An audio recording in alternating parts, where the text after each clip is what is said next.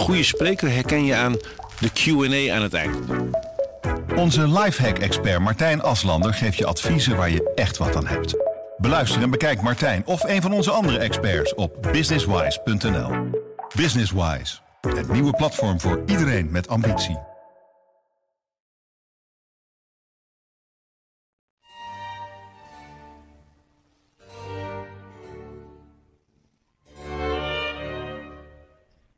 Dit is het verhaal van de 83-jarige gepensioneerde huisarts Charles de Koning.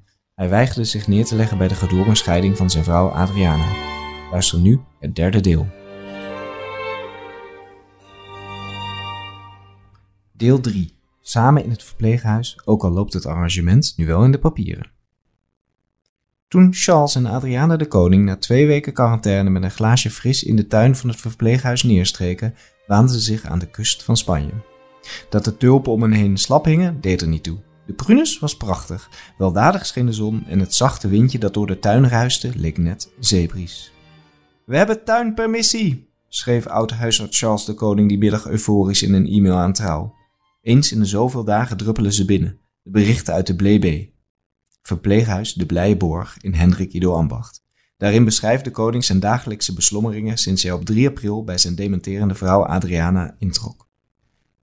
Na het bezoekverbod stond hij dag in dag uit met zijn verrekijker op de stoep om een glimp op te vangen van zijn Adrie, met wie hij al 58 jaar samen is.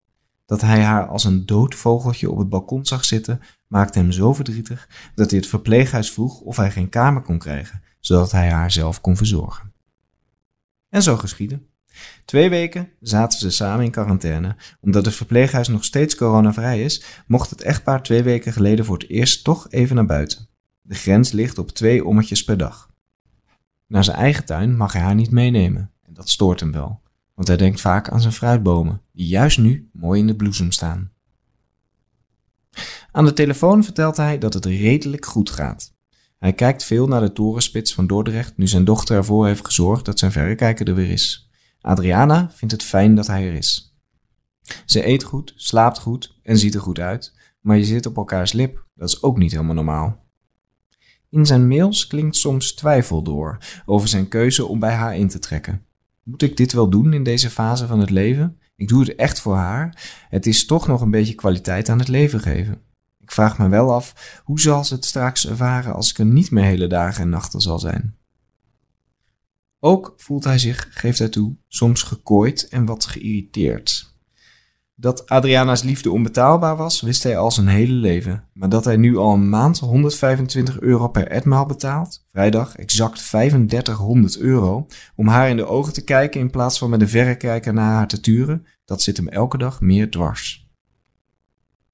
Een hotelarrangement noemt hij het met lichte spot. En ja, hij heeft er zelf voor getekend. Maar nu hij bijna een maand in het verpleeghuis woont, loopt het wel in de papieren. Daarbij steekt het hem extra dat hij de verzorging juist ontlast, door zijn vrouw te wassen, te voeden en te verzorgen. Ook doet hij de vuile vaat en verschoont hij de bedden. Directeur Han Hendriksen van het verpleeghuis benadrukt dat het echtpaar de koning nu woont in een hotelkamer die het verpleeghuis normaliter verhuurt aan mantelzorgers. Daar zit een tarief op wat hoger is dan dat meneer nu betaalt en hij is hiermee akkoord gegaan. Hij wist waar hij voor koos. Het is een all-inclusive verblijf. Hij krijgt eten, drinken, beddengoed enzovoorts, zegt hij. Hendrikse betreurt het dat de koning hier nu over klaagt. Ik heb juist mijn nek voor me uitgestoken omdat zijn situatie zo schrijnend was. Het is ontzettend fijn dat hij zoveel doet voor zijn vrouw, maar ons personeel moet ook doorbetaald worden en is daarnaast beschikbaar als hij of zijn vrouw iets nodig heeft. Hij geeft wel toe dat het heel veel geld is, die ruime 3000 euro die het verpleeghuis deze maand van Charles de Koning ontvangt, nog naast het geld dat hij betaalt voor het verblijf van Adriana.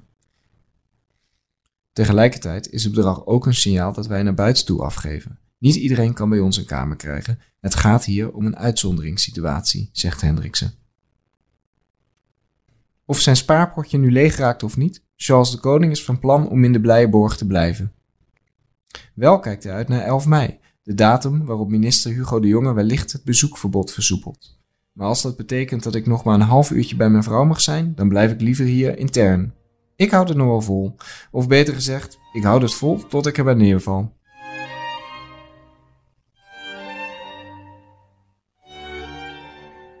Dit was het derde verhaal van Charles de Koning. De eerste twee delen kunt u terugluisteren in deze playlist. Wilt u meer ingesproken verhalen of podcast luisteren van Trouw? Ga dan naar trouw.nl